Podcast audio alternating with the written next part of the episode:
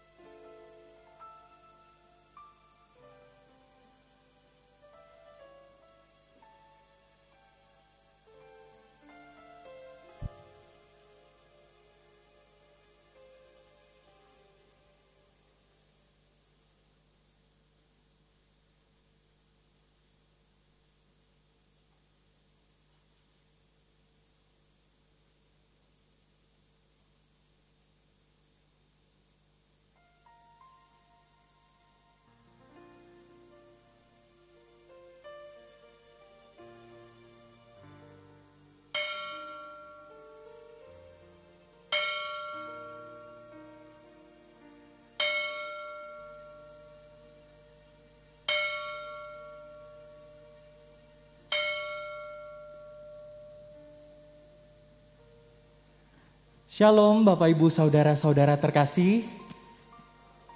Apa kabarnya hari ini? Ya, uh, puji Tuhan semua dalam keadaan baik dan saya berharap untuk Bapak Ibu Saudara yang mengikuti ibadah via streaming YouTube dan juga via Zoom dalam keadaan baik sehingga kita di saat ini boleh mengikuti kebaktian dalam kondisi yang baik. Ya,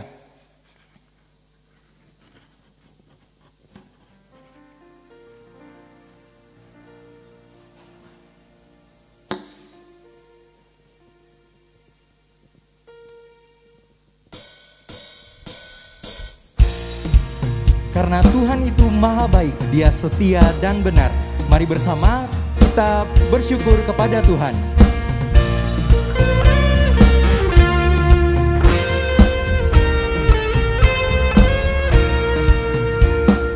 Bersyukurlah pada Tuhan, serukanlah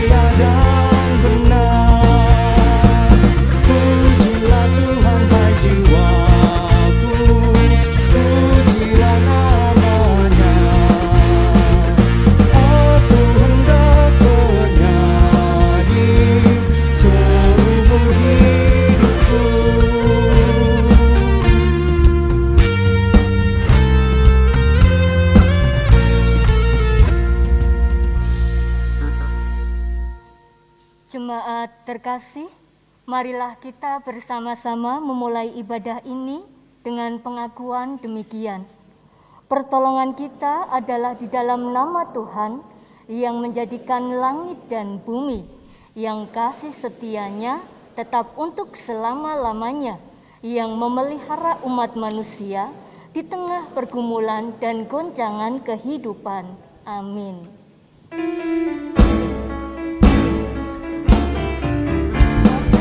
Shalom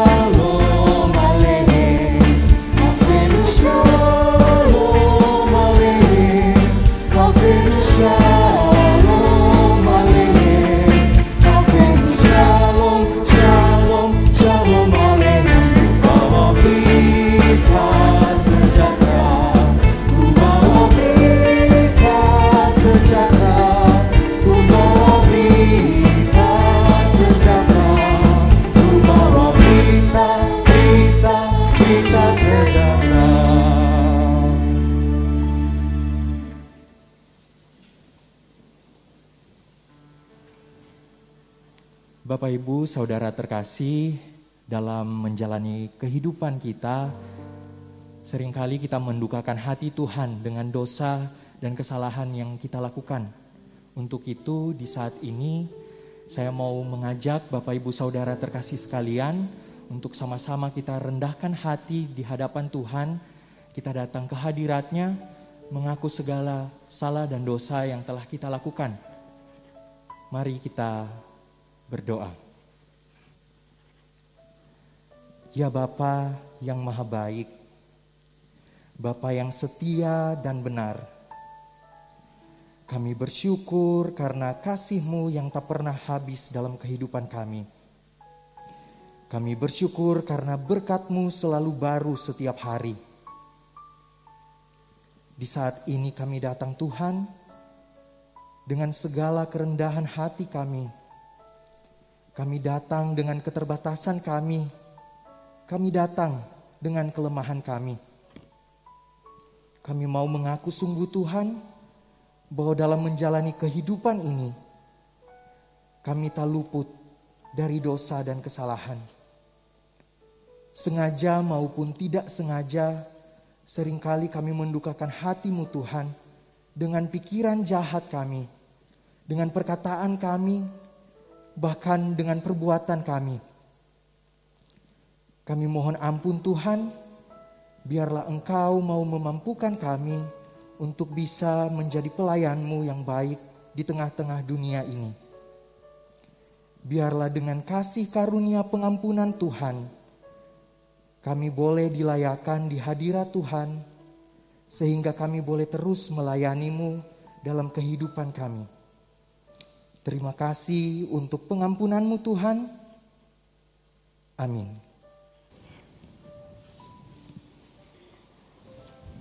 Jemaat yang terkasih, bukan oleh karena kebaikan kita sehingga kita selamat dari kuasa dosa, melainkan semuanya itu oleh karena kebaikan dari Allah yang mengenal kita dan Allah yang mengetahui setiap hal yang kita butuhkan. Sebagaimana tertulis di dalam Mazmur 73 ayatnya yang pertama. Sesungguhnya Allah itu baik bagi mereka yang tulus hatinya, bagi mereka yang bersih hatinya. Demikianlah berita anugerah dari Tuhan. Syukur kepada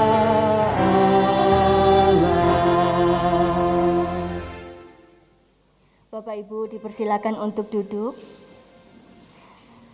Shalom.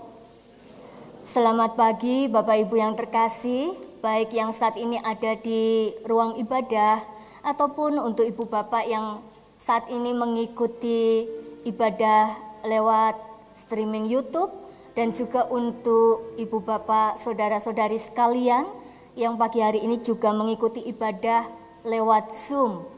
Nah, kita akan kembali eh, bertegur sapa dengan setiap orang yang ada di sekitar kita, Bapak Ibu, walaupun kita terpisah oleh ruang, gitu ya. Tetapi saya percaya bahwa sesungguhnya hati kita itu bersatu untuk memuji dan untuk memuliakan nama Tuhan. Bapak Ibu yang terkasih, hari ini kita bersama akan belajar untuk melihat tentang siapakah Tuhan yang kita yakini, tentang siapakah Tuhan yang kita percaya. Dan hari ini kita diajak untuk melihat jikalau kita meyakini dan percaya kepada Dia, maka di sana ada pemeliharaan Tuhan yang mungkin sering kali kita lupa bahwa pemeliharaannya begitu sempurna. Pemeliharaannya itu melebihi materi yang kita butuhkan, tetapi ada begitu banyak hal yang Tuhan berikan.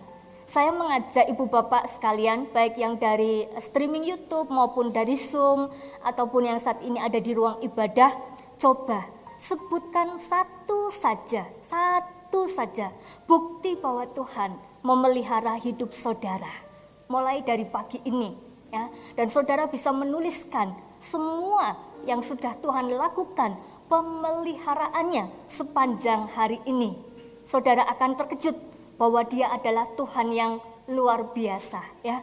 Kalau kita mau sebutkan satu saja misalnya, Tuhan memelihara saya. Buktinya apa? Hari ini saya masih bisa bernafas. Itu adalah pemeliharaan Tuhan.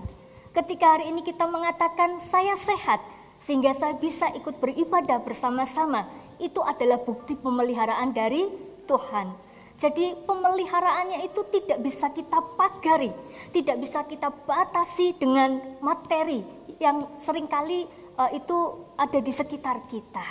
Mari Bapak Ibu Saudara, kita terus belajar untuk mengucap syukur karena pemeliharaannya sempurna dan tidak pernah berkesudahan. Amin.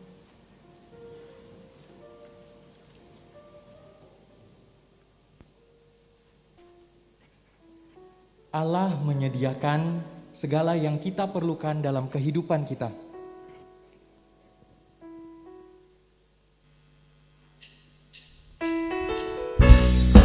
Kasih setianya tak pernah berubah dulu, sekarang, dan selamanya. Karena Allah itu baik, sungguh baik bagi kita. Kita pujikan Allah itu baik.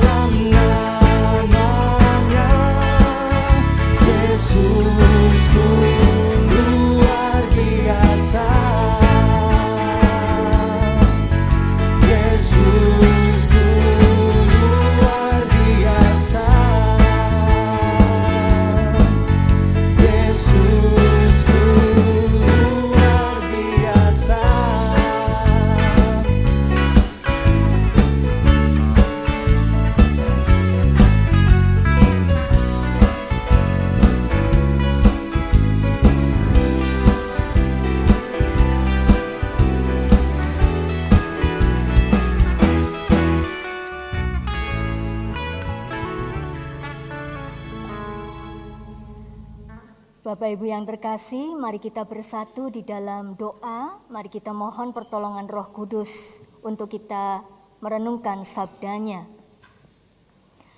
Tuhan Allah Bapa, kembali kami mengucap syukur untuk setiap kebaikan Tuhan yang tidak dapat kami sebutkan satu persatu.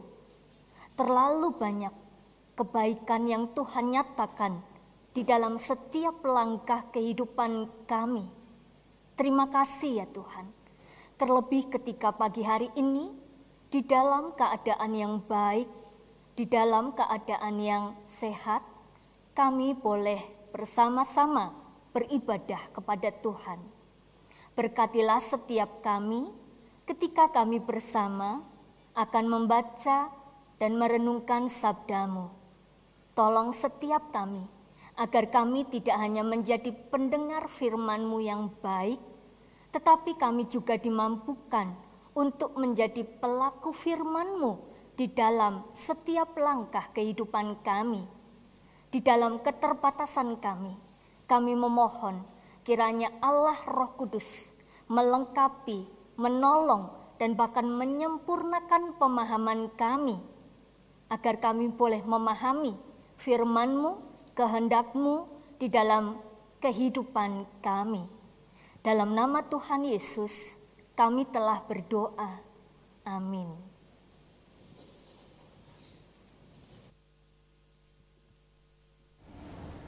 Kitab Raja-Raja yang pertama, pasal 17 ayat 8 sampai dengan 16. Kitab Raja-Raja yang pertama, pasal 17 ayat 8 sampai dengan 16. Maka datanglah firman Tuhan kepada Elia. Bersiaplah pergi ke Sarfat yang termasuk wilayah Sidon dan diamlah di sana. Ketahuilah, aku telah memerintahkan seorang janda untuk memberi engkau makan. Sesudah itu ia bersiap lalu pergi ke Sarfat setelah sampai ke pintu gerbang kota itu, tampaklah di sana seorang janda sedang mengumpulkan kayu api. Ia berseru kepada perempuan itu, katanya, "Cobalah ambil bagiku sedikit air dalam kendi, supaya aku minum." Ketika perempuan itu pergi mengambilnya, ia berseru lagi, "Cobalah ambil bagiku sepotong roti." Perempuan itu menjawab, Demi Tuhan Allahmu yang hidup, sesungguhnya tidak ada roti padaku sedikit pun, kecuali segenggam tepung dalam tempayan dan sedikit minyak dalam buli-buli. Dan sekarang aku sedang mengumpulkan dua tiga potong kayu api. Kemudian aku mau pulang dan mengolahnya bagiku dan bagi anakku. Dan setelah kami memakannya, maka kami akan mati. Tetapi Elia berkata kepadanya, "Janganlah takut, pulanglah. Buatlah seperti yang kau katakan, tetapi buatlah lebih dahulu bagiku sepotong roti bundal kecil daripadanya."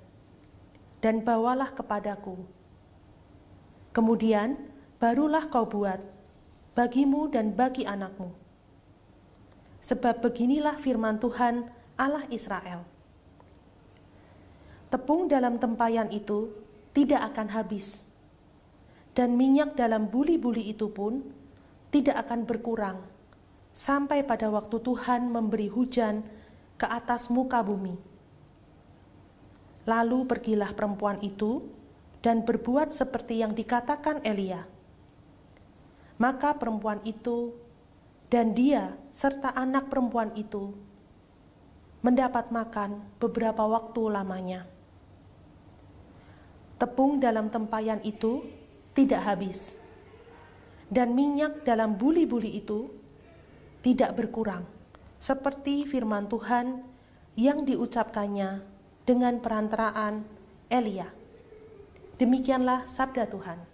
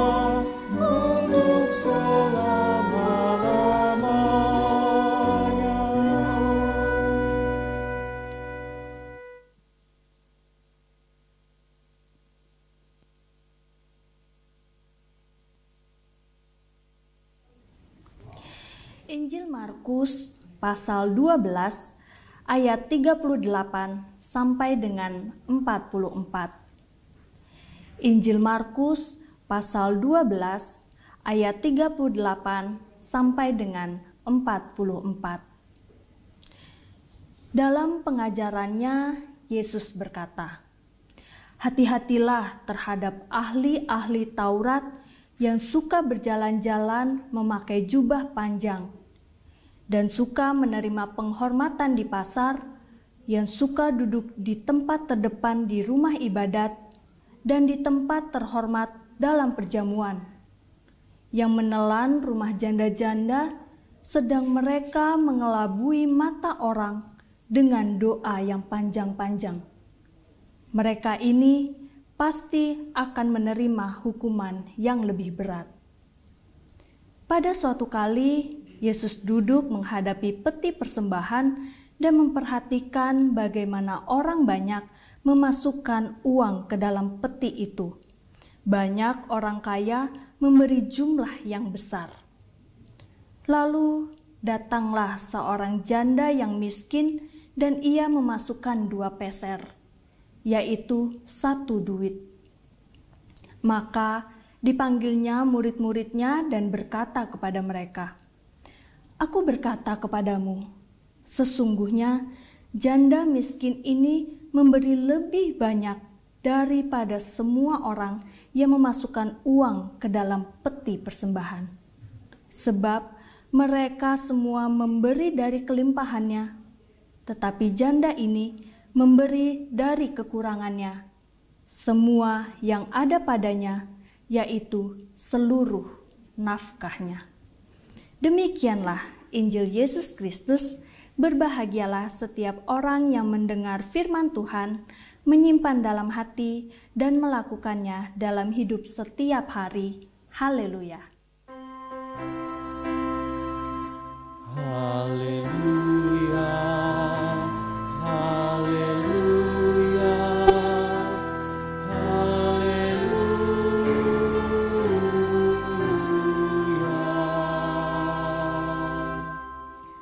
Selamat pagi Bapak Ibu yang terkasih. Kembali kita akan menyapa eh, saudara-saudara kita yang hari ini, pagi hari ini beribadah melalui Zoom. Bapak Ibu yang terkasih, nah ini ya kita sudah bertemu dengan saudara-saudara kita yang ada di Zoom. Jikalau Bapak Ibu Saudara ingin mengikuti ibadah dan bisa mengikuti bersama-sama dengan jemaat yang ada di ruang ibadah, saudara bisa mengikuti lewat Zoom. Link yang akan digunakan akan selalu sama, Bapak Ibu ya. Ya, kita akan menyapa dulu di Zoom pada pagi hari ini. Yang jelas terlihat ada Ibu Sembiring. Selamat pagi, Bu Sembiring. Ya.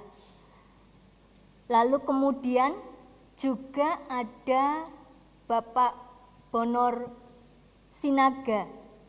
Betul ya? Selamat pagi, Bapak. Mungkin bisa dibantu di eh, buka dulu mikrofonnya. Selamat pagi. ya seperti Iya. Jakarta.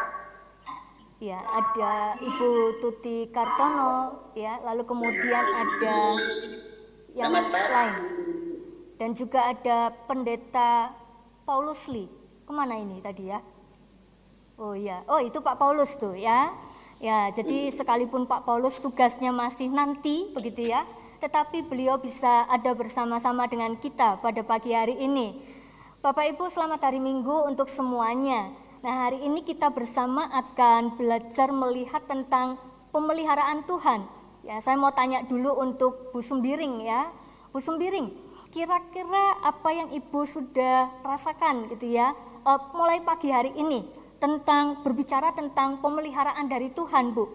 Ibu sudah rasakan ya eh, mulai pagi hari ini tentang berbicara tentang pemeliharaan dari Tuhan Bu?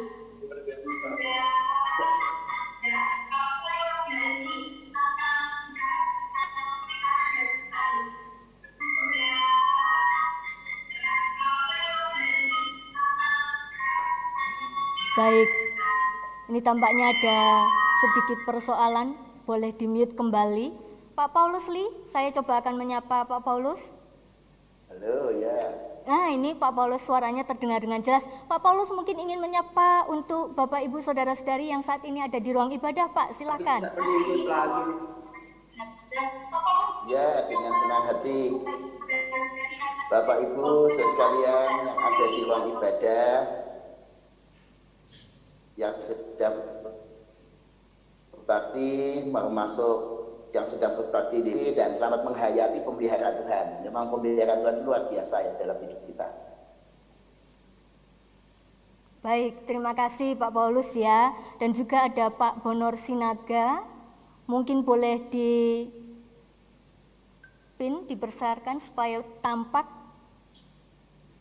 Ya, selamat pagi Selamat Bapak. pagi dan selamat hari Minggu buat kita semua, warga jemaat GKI Gejayan. Sungguh kami merasakan pemeliharaan Tuhan pada keluarga, khususnya pada minggu-minggu ini. Karena saat Jumat kemarin kami mengadakan perjalanan dari Jogja menuju Jakarta mengikuti acara pernikahan keluarga. Puji Tuhan sampai di Jakarta kami dalam keadaan dan sehat semua karena pemeliharaan dengan Tuhan. Amin. Salam buat kita semua. Ya, luar biasa ya. Ini salah satu bukti ya penyertaan dan juga pemeliharaan Tuhan di dalam kehidupan Pak Bonor bersama dengan keluarga. Ya, perjalanan yang rasanya tidak pendek itu panjang ya Pak, tetapi Tuhan boleh menyertai dan memberkati sehingga boleh tiba di Jakarta tanpa kurang suatu apa pun.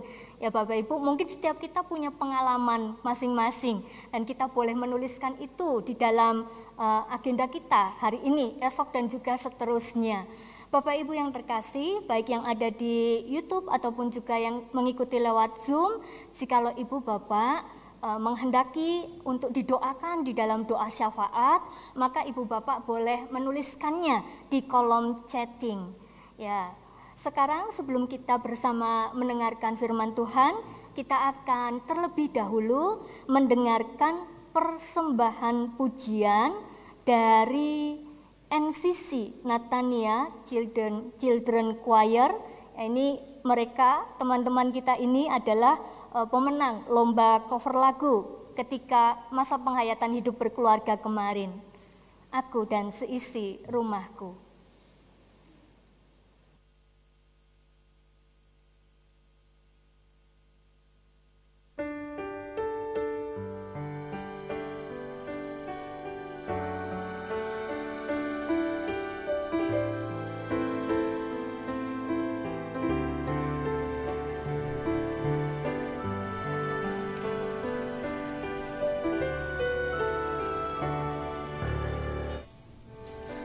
Bersatu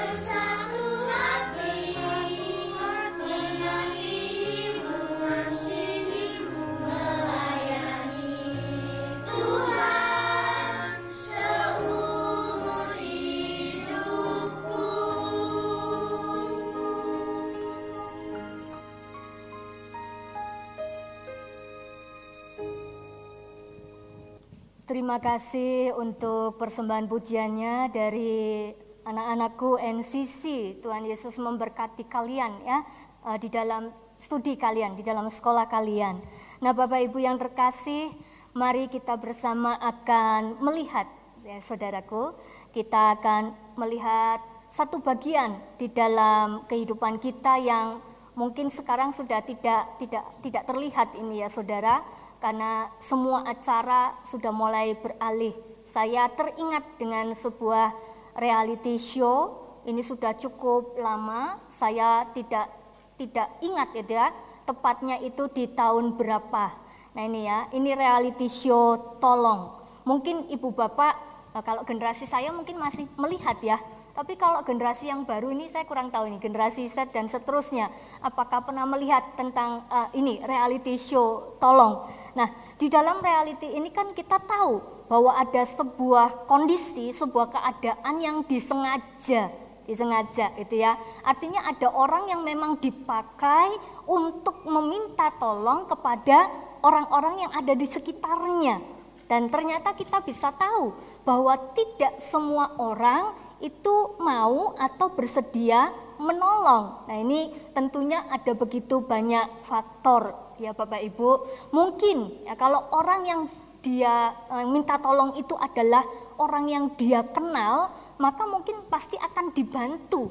Tetapi kalau orangnya itu saja tidak kenal, ketemu saja belum pernah, lalu kemudian tiba-tiba dia datang di depan kita, di sebelah kita, lalu kemudian dia minta tolong. Ya, mungkin dia akan menolak dan mungkin itu juga yang akan menjadi respon atau reaksi kita ketika kita bertemu dengan orang-orang yang tidak kita kenal dan mereka minta tolong kepada kita. Ada sebuah cerita yang cukup menarik. Sebenarnya ini ada di dalam video, tetapi saya mencoba untuk memotong-motongnya Bapak Ibu ya. Kita akan lihat ini satu-satu. Nah, yang pertama ini ya kita lihat ada sekelompok orang yang berdoa bersama. Ya, ini mungkin ini sedang ini persekutuan saudara. Dia berdoa, Bapak tolong dengar doa kami untuk orang miskin. Terima kasih Bapak ya.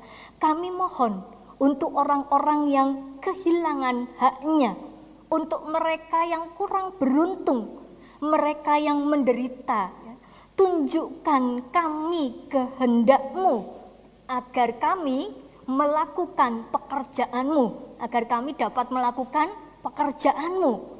Ya, lalu kemudian ini tentunya hanya ada di dalam uh, dunia perfilman ya saudara ya. Tiba-tiba ada suara dari atas saudara ya. Dan suara itu adalah suara Tuhan.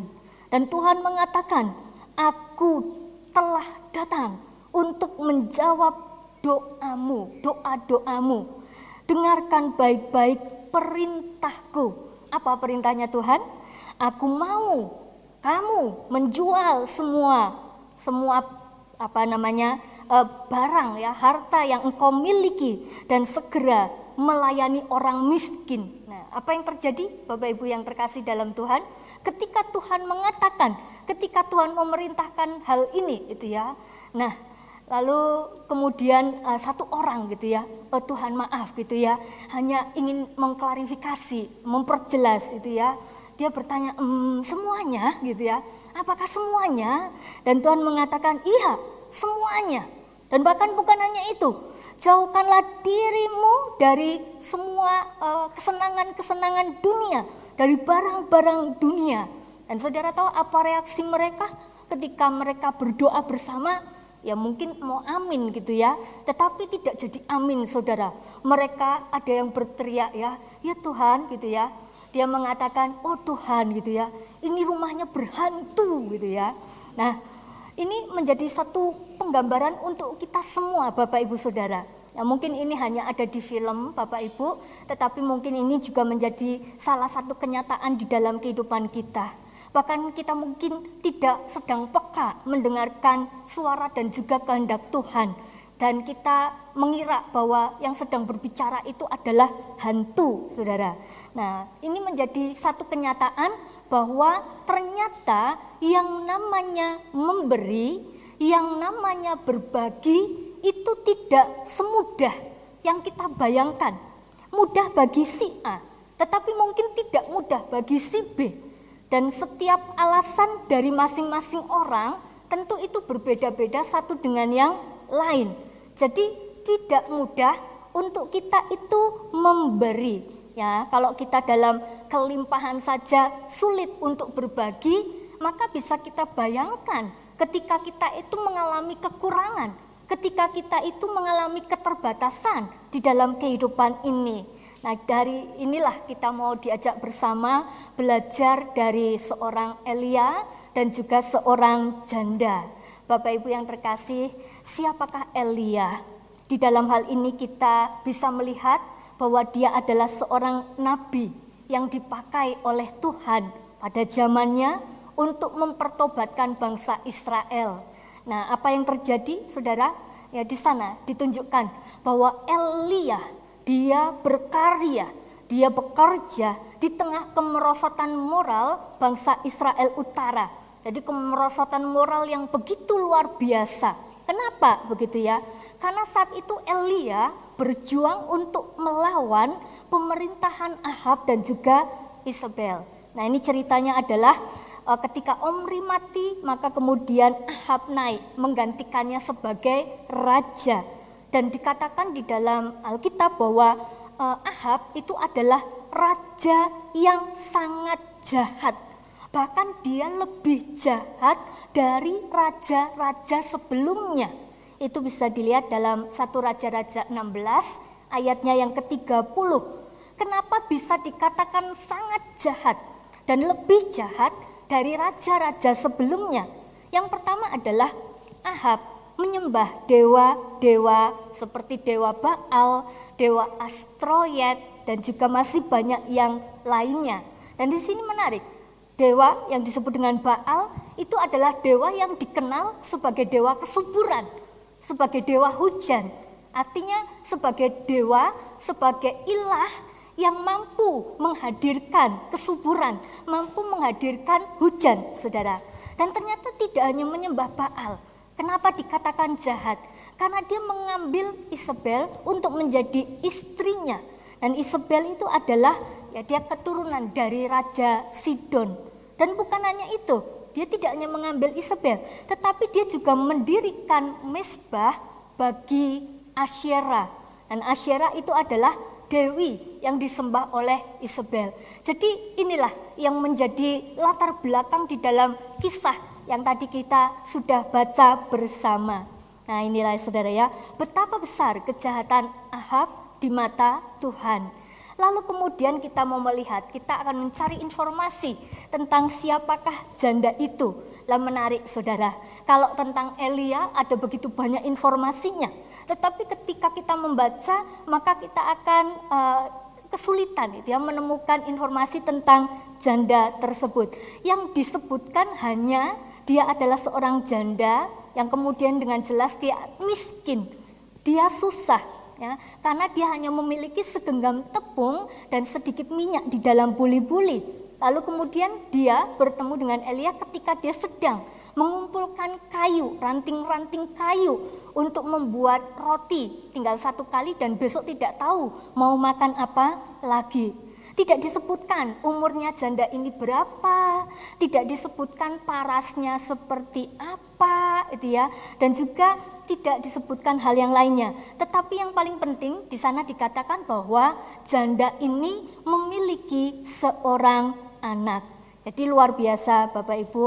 Dan di dalam kisah ini hendak diperlihatkan kepada kita tentang keangkuhan, kecongkakan, ketidakbenaran yang dilakukan oleh Ahab. Nah, maka dari itulah ya, di sini Allah Israel ingin menunjukkan bahwa Dia adalah Allah yang berkuasa, dia adalah Allah yang lebih daripada uh, uh, apa namanya dewa-dewa yang disembah oleh Ahab dan juga oleh uh, para pengikutnya. Maka dari itulah di sana uh, Tuhan melalui Elia dia mengatakan bahwa tidak akan turun hujan, tidak akan turun hujan. Tapi menariknya adalah sebelum kekeringan itu terjadi, Tuhan memerintahkan supaya apa? Itu ya, supaya Elia pergi ke daerah Sungai Kerit, Saudara. Itu artinya apa? Di situ Elia masih bisa bertahan hidup. Dia masih bisa minum. Dan yang lebih unik adalah mungkin kita tidak bisa membayangkan Bapak Ibu ya.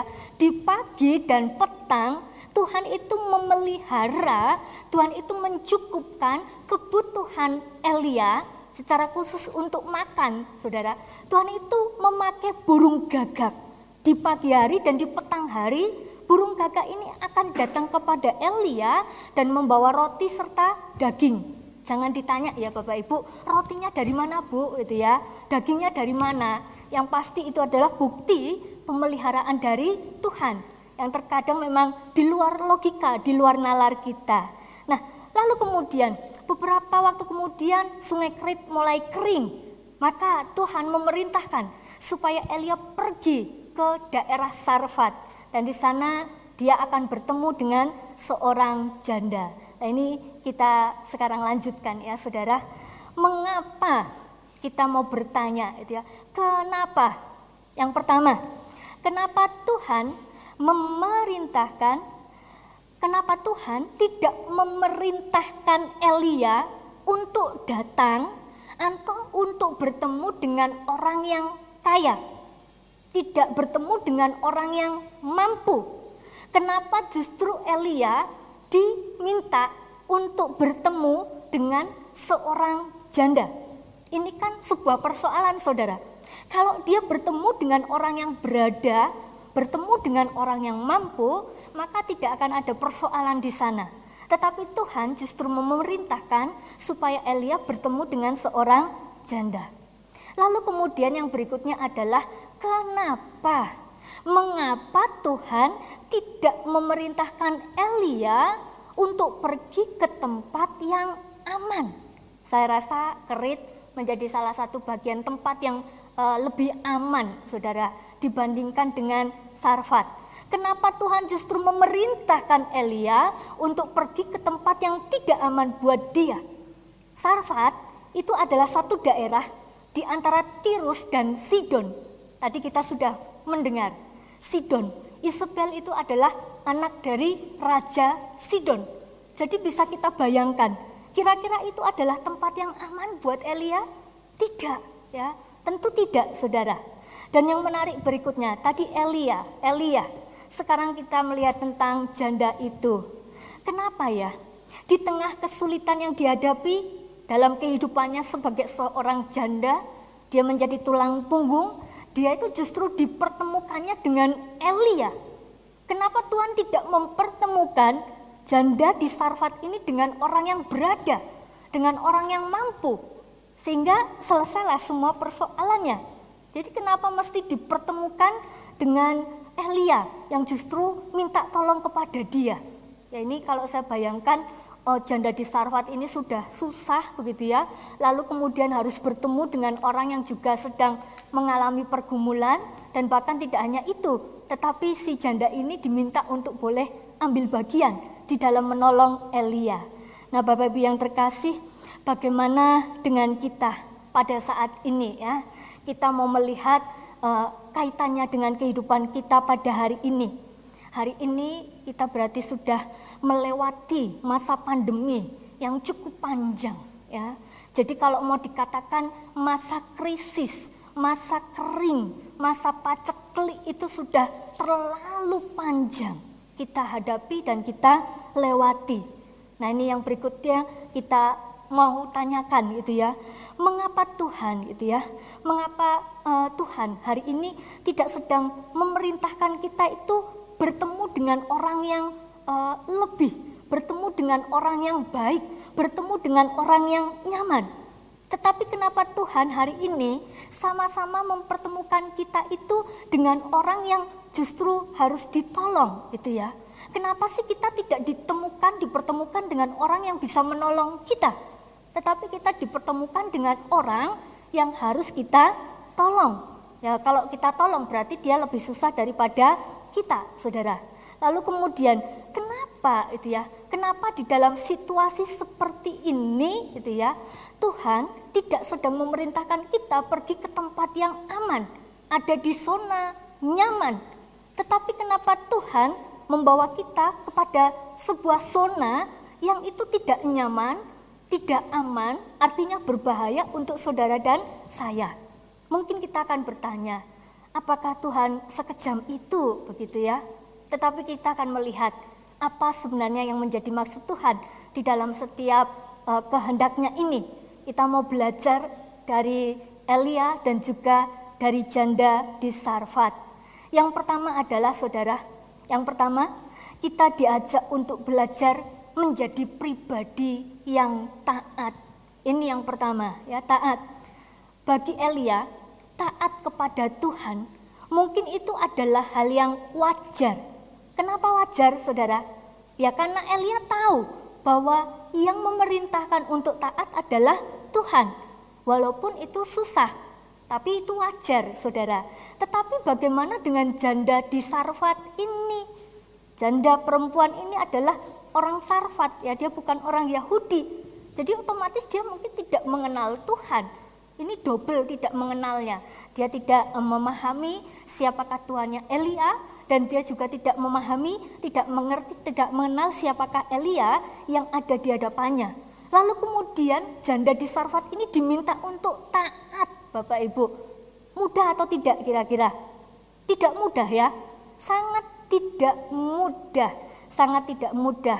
Nah, maka dari itu kita akan melihat ya sebagaimana di dalam kehidupan kita pada saat ini ya.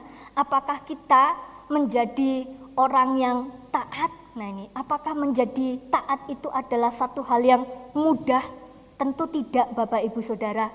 Taat itu berarti kita mau mengatakan tidak kepada kehendak kita dan mengatakan iya kepada kehendak Tuhan. Dan dalam hal ini janda di Sarfat ini memberikan pelajaran yang sangat penting ya, luar biasa penting. Di dalam ketidakmengertiannya, di dalam ketidaktahuannya, di dalam masa-masa kering yang dihadapinya, tetapi dia mau taat kepada Tuhan. Lalu kemudian yang kedua, kita diajak untuk belajar bersandar dan mengandalkan Tuhan. Sekali lagi, bagi Elia mungkin bersandar dan mengandalkan Tuhan itu bukan sesuatu yang sulit, bukan hal yang sulit Bapak Ibu Saudara. Kenapa itu ya? Karena dia tahu siapa yang sedang dia andalkan di dalam kehidupannya. Tetapi kemudian bagaimana dengan janda di Sarfat ini? dia diminta untuk bersandar dan mengandalkan Tuhan. Nah, poin yang kedua ini sangat menarik, Bapak Ibu ya. Kenapa?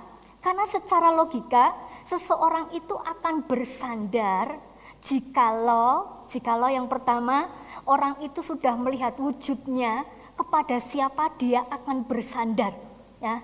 Saya di sini kalau tidak yakin di belakang saya ada orang ya atau di sebelah saya ada orang, saya tidak akan mungkin dengan nekat saya akan bersandar ya. Saya akan jatuh ke belakang Bapak Ibu ya. Jadi yang pertama manusia itu akan bersandar kalau lihat wujudnya jelas. Yang kedua, kalau dia mengenal, kalau dia mengenal ya. Sama seperti saya, kalau saya tidak mengenal orang-orang yang ada di sekitar saya, tidak mungkin gitu ya, saya akan nekat bersandar seperti itu. Nah, tetapi lihatlah ya, dalam kehidupan janda di Sarfat ini, janda di Sarfat ini melewati masa-masa keringnya dan dia mau bersedia untuk mengandalkan Tuhan.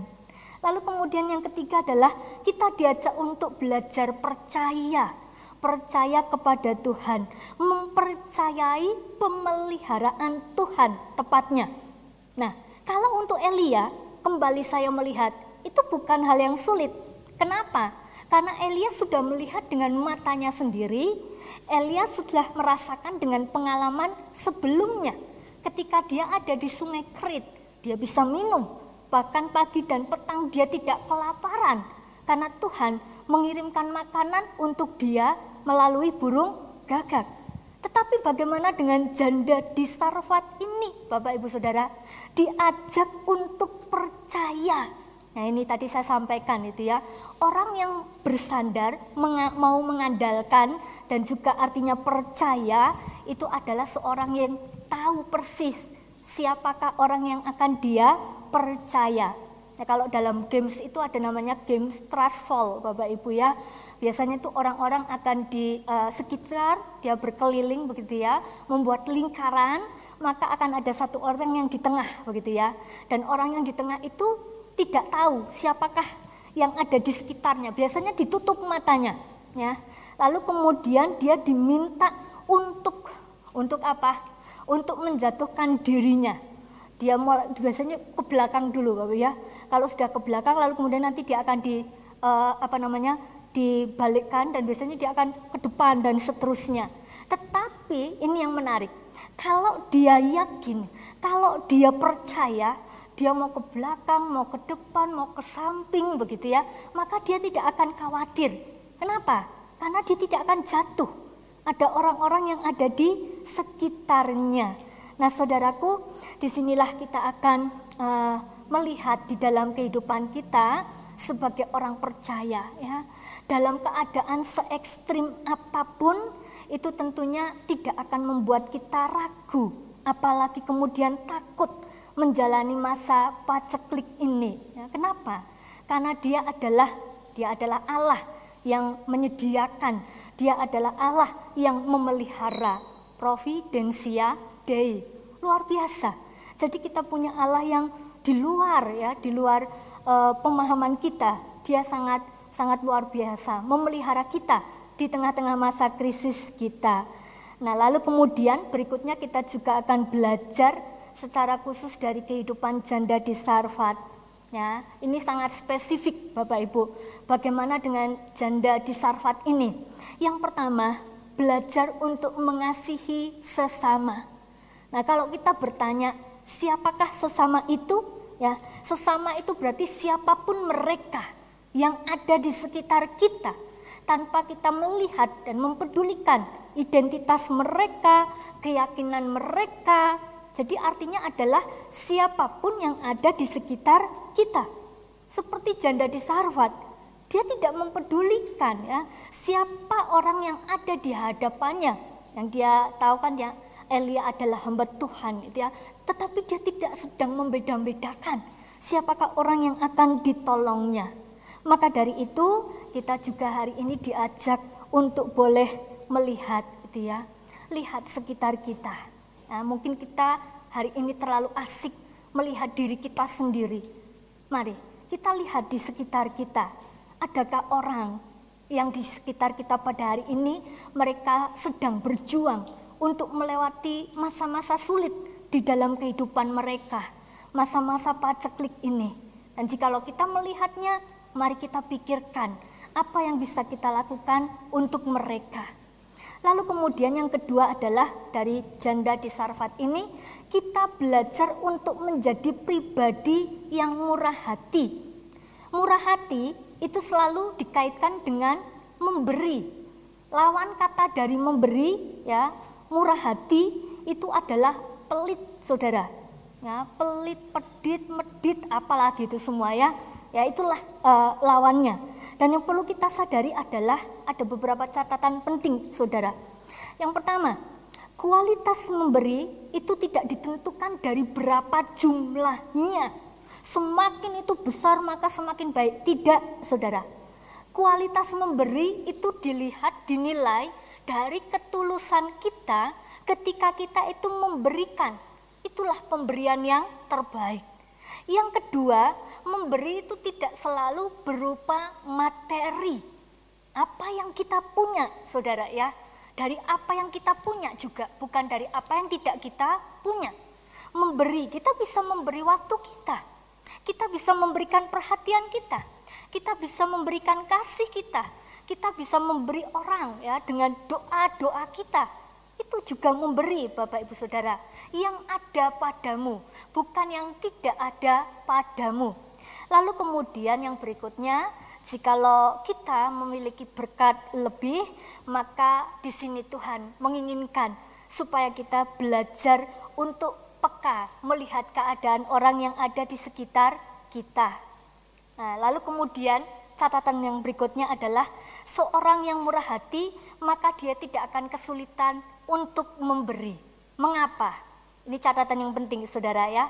Karena satu, dia sudah terlebih dahulu mengalami dan menerima, merasakan kemurahan. Kemurahan dari Tuhan. Itu yang pertama. Lalu kemudian yang kedua, kenapa orang yang murah hati mudah untuk memberi? Karena dia sadar, saya memberi, ketika saya memberi, maka saya tidak akan menjadi miskin atau saya akan menjadi kekurangan. Ya, itu dia pahami. Lalu kemudian yang ketiga, kenapa dia itu memberi itu ya? Karena dia tahu e, aku memberi itu bukan karena bukan karena aku punya, tetapi aku pernah merasakan dan tahu bagaimana rasanya ketika aku itu kekurangan ya. Ini perlu menjadi perenungan bagi kita semua pada saat ini. Nah, lalu kemudian catatan yang berikutnya ini memberi dari kelimpahan itu biasa. Tetapi memberi dari keterbatasan, memberi dari kekurangan itu luar biasa, ya. Ini e, menjadi pengingat bagi setiap kita dan teladan memberi di dalam keterbatasan memberi dengan ketulusan itu uniknya dicontohkan oleh janda, Bapak Ibu Saudara. Ya, janda, baik janda yang ada di Sarfat yang diceritakan pada pagi hari ini, dia memberikan tumpangan buat Elia, dia memberikan apa yang dia punya, makanannya, ya, dia memelihara Elia dengan begitu indahnya. Nah lalu kemudian yang berikutnya juga oleh janda yang ada di dalam bacaan Injil kita Bapak Ibu ya. Di dalam bacaan Injil kita Markus 12 ayatnya yang ke-41 hingga yang ke-44. Nah ini kisah janda, seorang janda ketika ada di bait Allah. Dan di situ Yesus memperhatikan ketika janda itu memberikan persembahan. Ya, kalau orang mungkin pada umumnya memasukkan amplop yang besar begitu ya. Kalau hari ini kita sudah dengan GoPay gitu ya, kita transfer dan seterusnya. Tapi waktu itu mungkin memasukkan gitu ya. Nah, Saudara, tetapi yang dia berikan itu hanya dua peser, satu duit dan itu adalah nilai mata uang yang paling kecil. Itu berupa koin, Bapak Ibu. Yang paling kecil. Jadi kalau mau dibandingkan yang satu mungkin besar gitu ya dan yang satunya memberikan hanya dalam bentuk koin. Tetapi bagaimana Tuhan merespon itu? Dia memberitahukan kepada murid-muridnya. Dalam Markus 12 ya di sana dikatakan ayat 43 eh, dan 44 itu ya. Sesungguhnya janda miskin ini memberi lebih banyak daripada semua orang yang memasukkan uang ke dalam peti persembahan Sebab mereka semua memberi dari kelimpahannya, tetapi janda ini memberi dari kekurangannya. Bahkan semua, semua yang ada padanya, yaitu seluruh nafkahnya. Nah ini wow, luar biasa Bapak Ibu Saudara ya. Dua janda dari masa yang berbeda. Ya kalau kita lihat dari perjanjian lama, satu dari perjanjian baru Saudara ya, dari masa yang berbeda tetapi mereka memiliki kesamaan. Dan mengapa mesti ya dalam hal ini yang menjadi contoh buat kita adalah seorang janda. Ya seorang yang satu miskin. Artinya dia ada di dalam keterbatasan. Sama-sama mereka miskin. Hidup mereka bukan sama-sama senang, tetapi mereka punya kesusahan, Saudara. Sama-sama susah, sama-sama menderita. Mereka jadi tulang punggung. Mereka harus berjuang untuk mencukupi kebutuhan diri mereka ya bahkan ada anak mereka ya. Tapi mereka di dalam kekurangannya, dalam penderitaannya, mereka berdua punya kesamaan. Satu ya, mereka punya kemurahan hati. Nah, ini yang harus kita contoh. Lalu kemudian yang berikutnya dari janda di Sarfat ini, yang ketiga, kita diajak untuk menjadi pribadi yang ramah. Pribadi yang ramah. Bayangkan ya Bapak Ibu, kalau kita mau berjalan-jalan hari ini Yogyakarta sudah mulai ramai. Saudara kira-kira mau pilih jalan-jalan di mana? Di mall yang dingin, ya, yang adem begitu. Tapi kalau tidak ada pilihan, kita mau jalan-jalan ke padang gurun, Bapak Ibu Saudara. Kira-kira bagaimana rasanya? Panas, Bu. dosa di padang gurun. Jogja hari ini kalau kita jalan-jalan di luar aja panas begitu ya.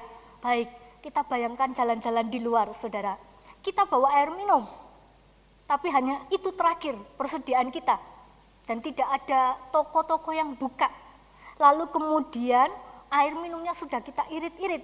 Tetapi lalu ada orang yang minta minum saudara. Kira-kira saudara mau merespon apa? Saudara akan memberi? Ini penting ya. Hanya tinggal satu, tinggal satu yang saudara punya. Ada orang yang minta, ini diirit-irit. Saudara sudah menahan-nahan haus gitu ya. Saudara mau berikan? Boleh angkat tangan yang memberikan? Mau lihat. Tidak ada. Berarti semuanya tidak mau memberikan. Waduh, sadis ini ya saudara ya. Eh, ada tiga pilihan. Beri dengan tulus atau beri sambil cemberut orang ini benar-benar keterlaluan gitu ya tahu sama-sama kita haus. Kamu minumnya tadi enak sekali glokok glokok glokok gitu ya. Giliran punyamu habis minta punyaku gitu ya. Jadi saudara kan nih tuh kasih gitu ya. Bagi dua gitu ya. Atau mungkin saudara kan kasih nih tapi saudara marah. Jadi yang pertama berikan dengan tulus. Yang kedua memberi dengan tidak tulus. Atau saudara tidak akan memberi sama sekali dan saudara marah-marah. Yang mana kira-kira saudara dan saya? Ya, atau kita mau tidak memberi tapi langsung pergi itu aja itu ya. Nah, Bapak Ibu, waspadalah. Waspada.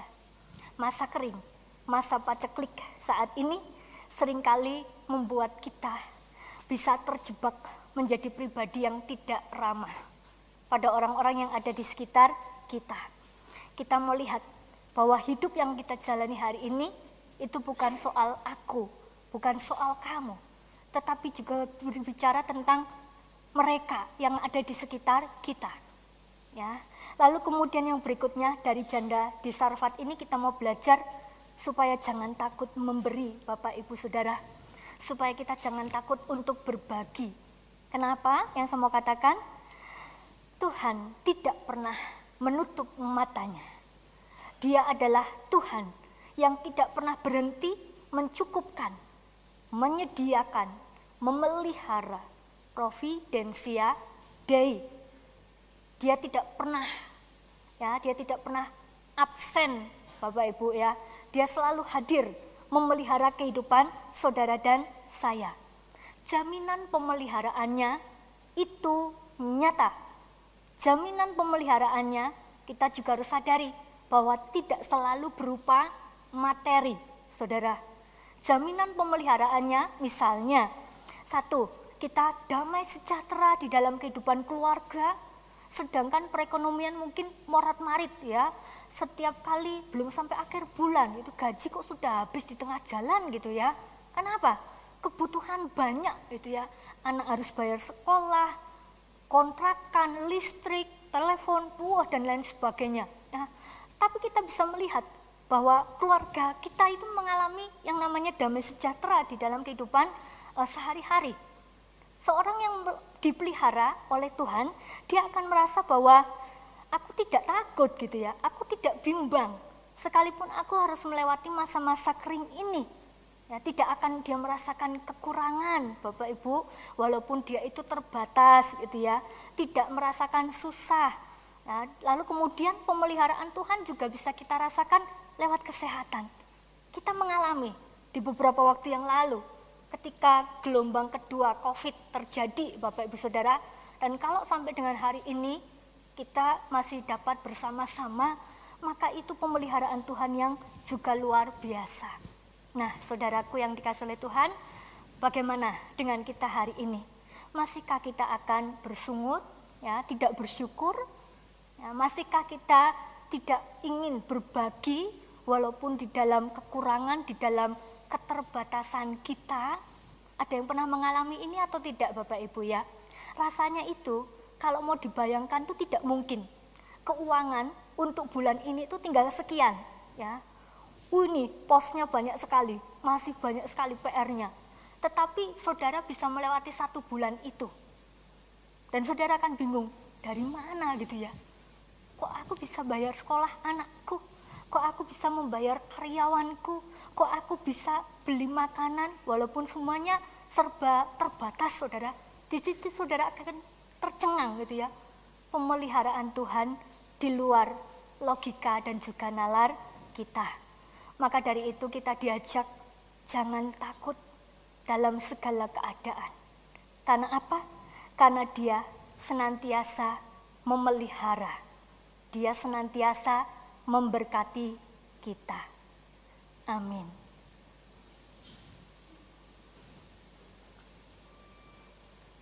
Saudaraku, di dalam saat teduh kita pada saat ini, mari kita tundukkan kepala. Kembali kita ingat perjalanan kehidupan yang tidak mudah. Masa-masa kering yang begitu luar biasa. Ketika kita mungkin mulai menyerah. Tetapi kita diingatkan kembali bahwa Dia adalah Tuhan yang tidak pernah berhenti untuk memelihara kehidupan saudara dan saya. Ketika cemas itu datang kembali, ketika takut itu datang kembali, ketika bimbang itu datang kembali, lihatlah ke belakang. Tuhan selalu menjaga kita. Tuhan memelihara kita. Tuhan menghibur kita. Tuhan memberkati kita.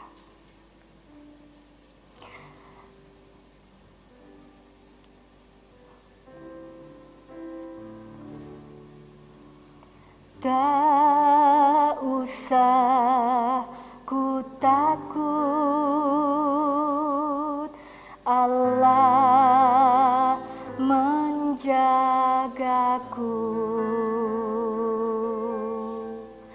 Tak usah ku bimbang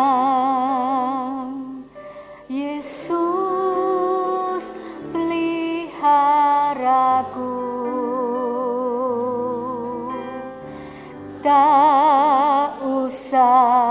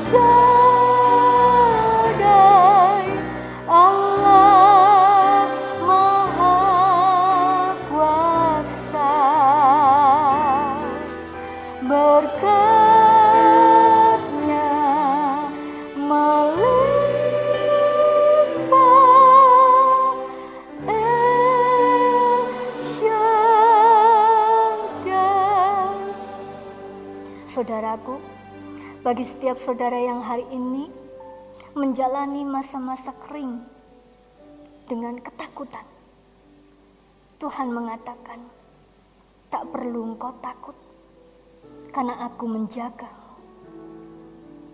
Ketika saudara bimbang menjalani kehidupan ini, Tuhan mengatakan, "Tak usah engkau bimbang, Aku memeliharamu." Ketika hari ini kita bersusah hati, Tuhan mengatakan, "Tak perlu kau susah, karena Roh Kudus yang akan menghiburmu."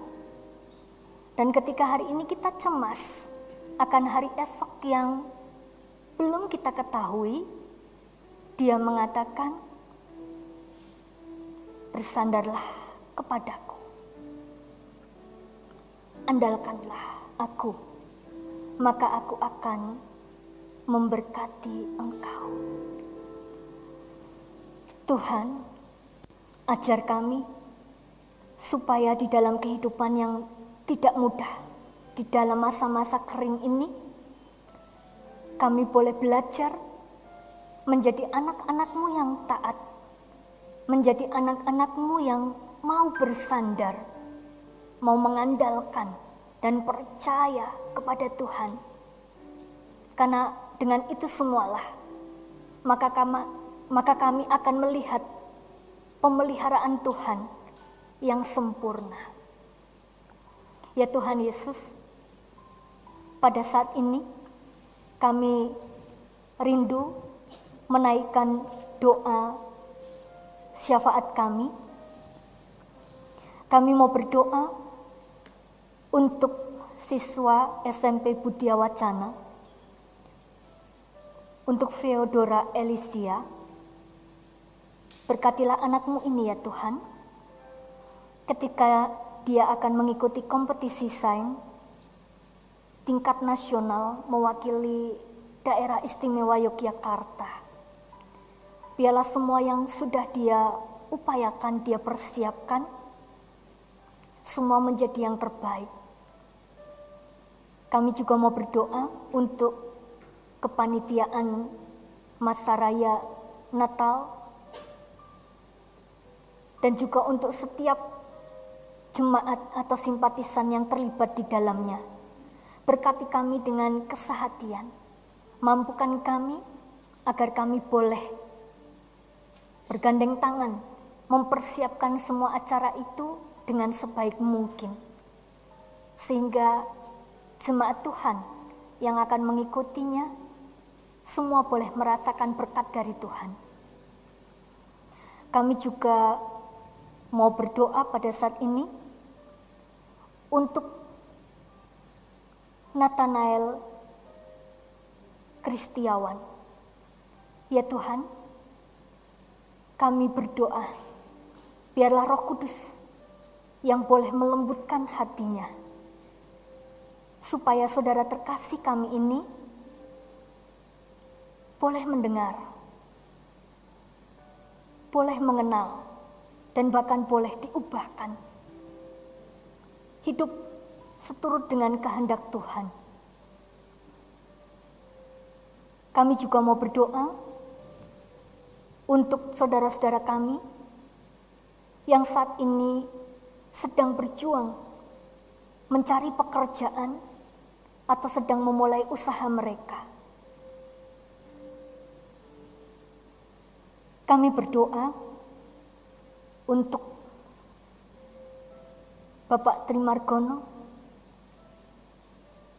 kiranya Tuhan mampukan agar anakmu ini boleh menyelesaikan pergumulan yang sedang dialami di dalam keluarganya ataupun di dalam pekerjaannya. Tuhan tidak tinggal diam. Kami juga mau berdoa untuk setiap siswa ataupun mahasiswa yang hari ini mereka menempuh studi. Berkati Tuhan, anak-anak terkasih kami agar mereka boleh bertanggung jawab. Secara khusus untuk Mesia Raharjo yang saat ini bersama dengan teman-teman yang lain akan menghadapi ujian spesialis anak yang akan dimulai besok sampai dengan selesainya nanti hingga final ujian nasional ya Tuhan. Kami juga mau berdoa untuk Aan Parwana dan juga untuk teman-teman NERS angkatan 14 2014 Unrio yang saat ini sedang praktek profesi di rumah sakit. Tuhan kiranya melancarkan setiap tugas-tugas mereka. Dan melalui doa ini, Kami juga mau berdoa untuk setiap pasien yang mereka boleh dampingi. Mereka punya kerinduan agar mereka yang saat ini tengah sakit terbaring di rumah sakit, mereka boleh cepat pulih, pulang dan kembali berkumpul dengan keluarga-keluarga terkasih. Kami juga mau berdoa untuk saudara-saudara kami yang sedang sakit ataupun di dalam pemulihan. Untuk Kris Patmana Hadi, untuk Henny, untuk Stefanus Yohanes, Bapak dan Ibu Sembiring, untuk Bapak Sukendro, dan juga untuk saudara-saudara kami yang lain yang tidak dapat kami sebutkan satu persatu. Di dalam kelemahan fisik mereka, kami mohon kiranya Engkau menjamah dan memulihkan. Ini doa kami ya Tuhan, ini permohonan kami. Dalam nama Tuhan Yesus, amin.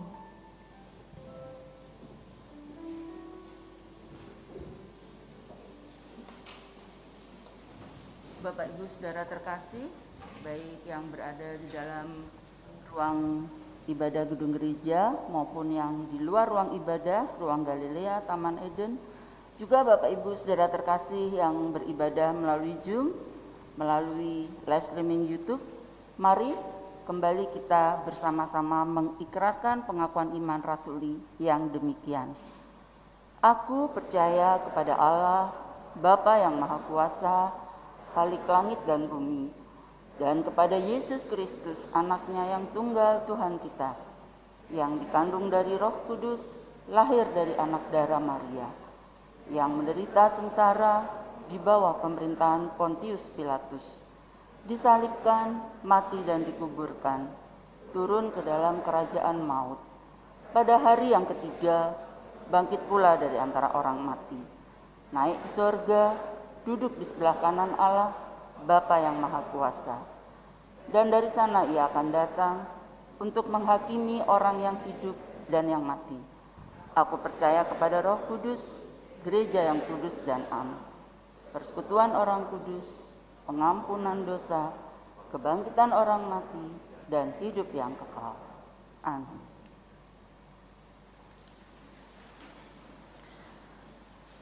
Saudara-saudara terkasih, kita akan bersama-sama mengumpulkan persembahan syukur kita. Dalam kesempatan ini kami mempersilahkan jemaat untuk scan barcode QRIS di bangku jemaat. Sedangkan persembahan tunai dikumpulkan sebelum atau sesudah ibadah. Mari kita mengumpulkan persembahan sambil mengingat nats persembahan kita yang diambil dari satu Tawarikh pasal 16 ayat yang ke-29 mari kita baca bersama. Berilah kepada Tuhan kemuliaan namanya. Bawalah persembahan dan masuklah menghadap dia. Sujudlah menyembah kepada Tuhan dengan berhiaskan kekudusan. Berikanlah yang terbaik pada Tuhan. Tuhan Yesus memberkati.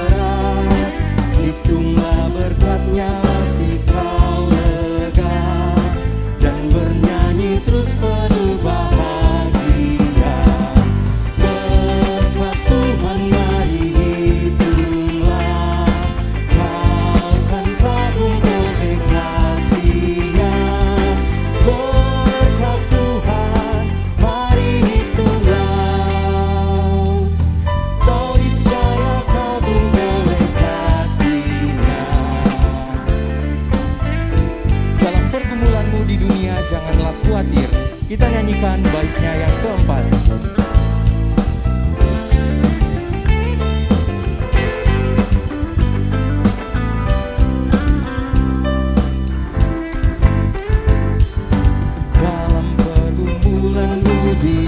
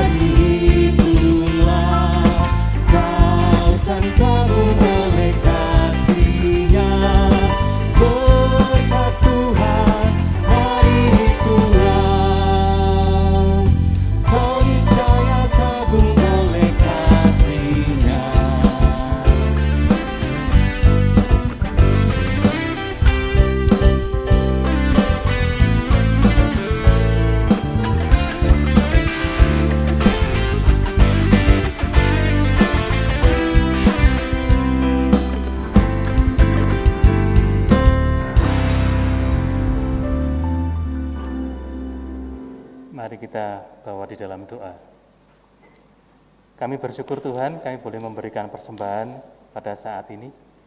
Kiranya Tuhan memberkati persembahan yang kami kumpulkan, berkati juga majelis jemaat di dalam mengelola persembahan yang ada ini, kiranya boleh dipakai seturut dengan kehendak Tuhan. Berkati untuk kami yang mempersembahkan di dalam ibadah ini Tuhan, kiranya bukan hanya harta kami saja Tuhan, tetapi biarlah kiranya seluruh hidup kami boleh kami persembahkan untuk kemuliaan nama Tuhan. Terima kasih Tuhan Yesus. Amin.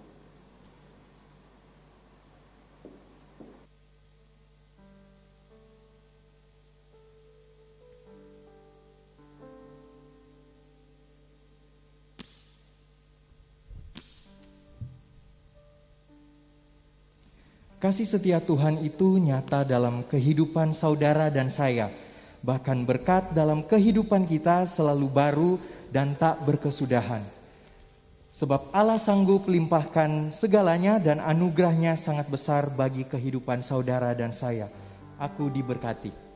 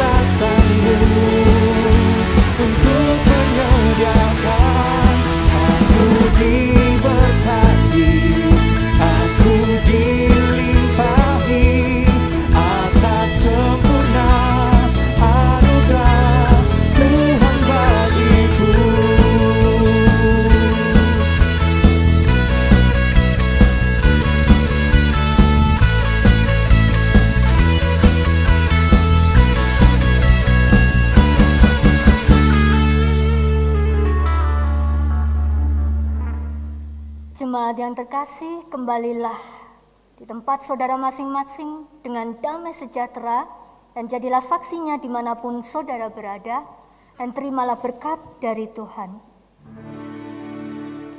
Kasih Tuhan mengiringimu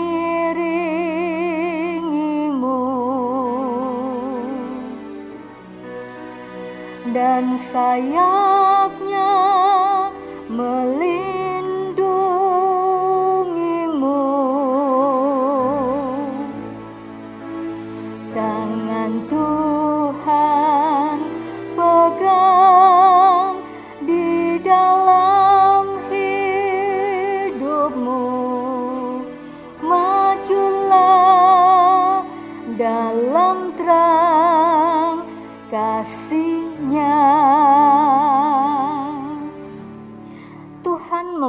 memberkati engkau dan melindungi engkau.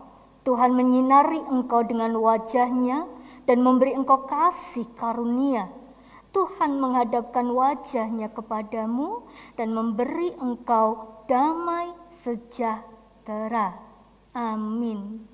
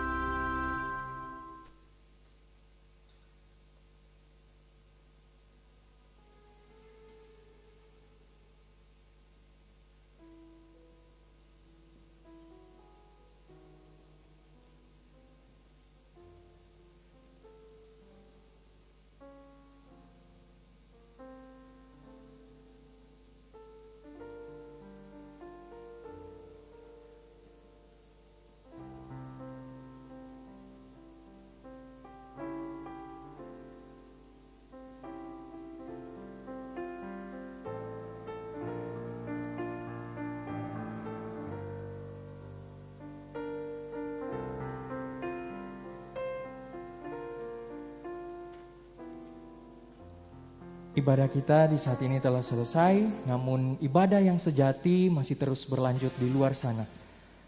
Selamat berkarya di pekan yang baru, Tuhan Yesus memberkati. Mohon perhatian untuk Bapak Ibu yang berada di ruang ibadah ini, di ruang Galilea dan ruang Roma, serta Taman Eden, mohon berkenan tetap, tetap duduk sambil menunggu arahan dari Asher untuk keluar. Kemudian untuk Bapak Ibu yang mengikuti ibadah via Zoom akan dilanjutkan dengan fellowship bersama pendeta. Terima kasih.